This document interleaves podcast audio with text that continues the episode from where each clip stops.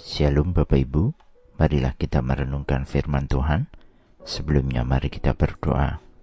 Tuhan kami hendak merenungkan firman-Mu, Roh Kudus pimpinlah kami. Di dalam Tuhan Yesus kami berdoa. Amin.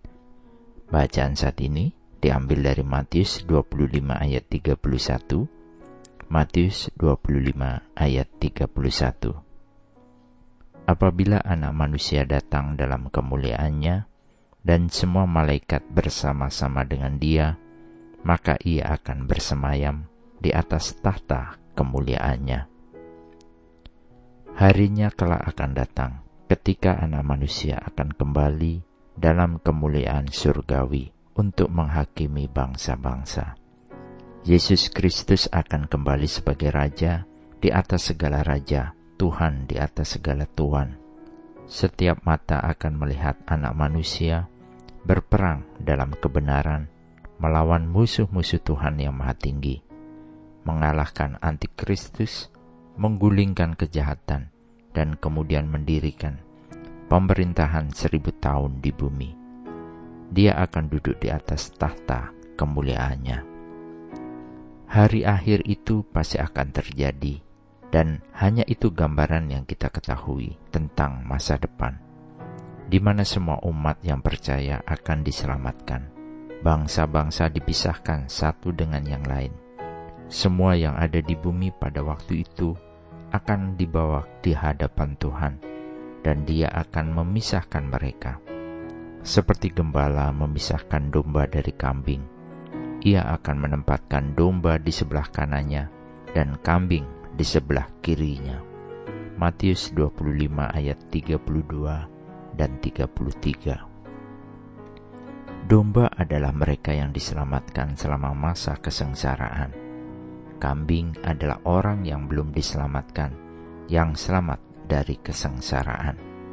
Domba di sebelah kanan Yesus diberkati oleh Allah Bapa dan diberi warisan. Kambing di sebelah kiri Yesus dikutuk dengan api neraka yang kekal. Keselamatan terjadi oleh iman melalui kasih karunia Allah kepada kita dan bukan oleh perbuatan baik kita. Yohanes 1 ayat 12 menuliskan, Tetapi semua orang yang menerimanya diberinya kuasa, supaya menjadi anak-anak Allah, yaitu mereka yang percaya dalam namanya.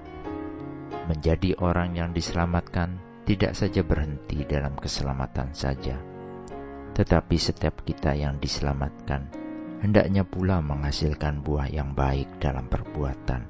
Keselamatan telah mendorong setiap kita untuk melakukannya.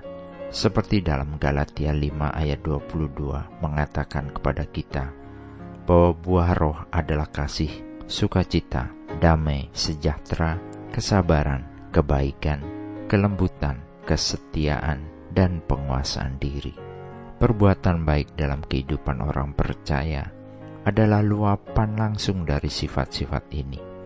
Ini terjadi dan diterima Allah karena ada hubungan yang terjalin antara hamba dan Tuhan, antara yang diselamatkan dan juru selamat mereka, antara domba dan gembala mereka. Kita diundang untuk melakukan terus kebaikan dengan orang lain, melayani seolah-olah mereka sedang melayani Kristus sendiri ini adalah bagian keselamatan yang Tuhan perhitungkan dari anugerah Tuhan yang sudah diberi kepada kita. Amin. Mari kita berdoa. Bapa Surgawi sungguh kami bersyukur akan janji keselamatan Tuhan bagi kami. Kami ada karena kasih karunia Tuhan dalam iman kepada Kristus Yesus. Tolong kami juga untuk melakukan buah dari keselamatan tersebut dalam tindakan keseharian kami, yaitu mengasihi Tuhan dan mengasihi sesama. Terpujilah Engkau Tuhan, di dalam Tuhan Yesus kami berdoa. Amin. Tuhan Yesus memberkati. Shalom.